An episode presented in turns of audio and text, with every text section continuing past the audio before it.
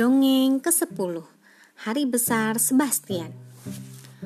Hari ini hari besar Sebastian.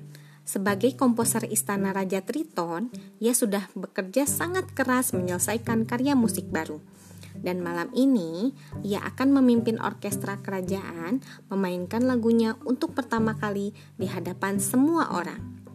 Akhirnya, pikir Sebastian, kejeniusan sejatiku akan dihargai dengan sepantasnya. Siang itu, saat mempersiapkan konser, Sebastian memeriksa semua detail. Ia merapikan posisi kursi para musisi di panggung. Ia menyiapkan tambahan salinan partitur untuk jaga-jaga seandainya ada musisi yang lupa membawanya. Ia bahkan menyuruh dasi kupu-kupunya dicuci dan disetrika. Lalu, tepat sebelum tirai dinaikkan, para musisi berkumpul di belakang panggung untuk menyetel peralatan. Benny Sigurita, pemain drum orkestra, datang paling belakangan. Sebastian, dia berseru, bergegas mendatangi sang konduktor. Aku tidak bisa main malam ini. Sebastian menatap Benny dengan syok. Apa maksudmu? Kau harus main.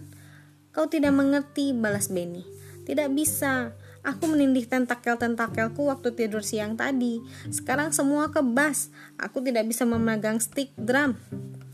Sebastian menyadari betapa gawatnya situasi ini. Apa yang harus kulakukan? Ia berseru sambil memandang para musisi di sekelilingnya. Ciptaanku membutuhkan delapan drum. Benny punya delapan tentakel, satu untuk setiap drum. Di mana aku bisa mendapatkan cukup tangan untuk menggantikan dia. Tepat saat itu, Ariel dan keenam saudaranya berenang ke belakang panggung untuk menyelamati Sebastian. Ariel, teriak Sebastian. Betapa senangnya aku melihatmu.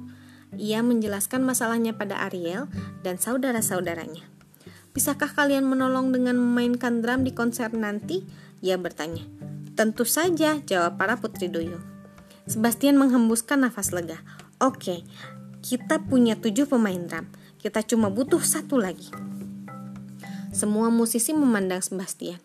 Aku, katanya, tapi aku kan pencipta dan konduktornya. Ini hari ketika akhirnya kejeniusan sejatiku akan dihargai. Aku tidak boleh tersembunyi di bagian drum. Aku harus di tengah bagian depan.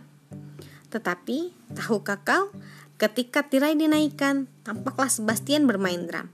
Belum tiba saatnya jadi pusat perhatian. Namun, sambil bermain, ia mengangkat bahu dan tersenyum.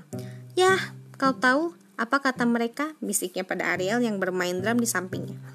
Pertunjukan harus jalan terus, tebak Ariel. Bukan, jawab Sebastian. Jenius sejati tidak akan dihargai sepenuhnya saat masih hidup. Sekian, terima kasih telah mendengarkan. Selamat malam.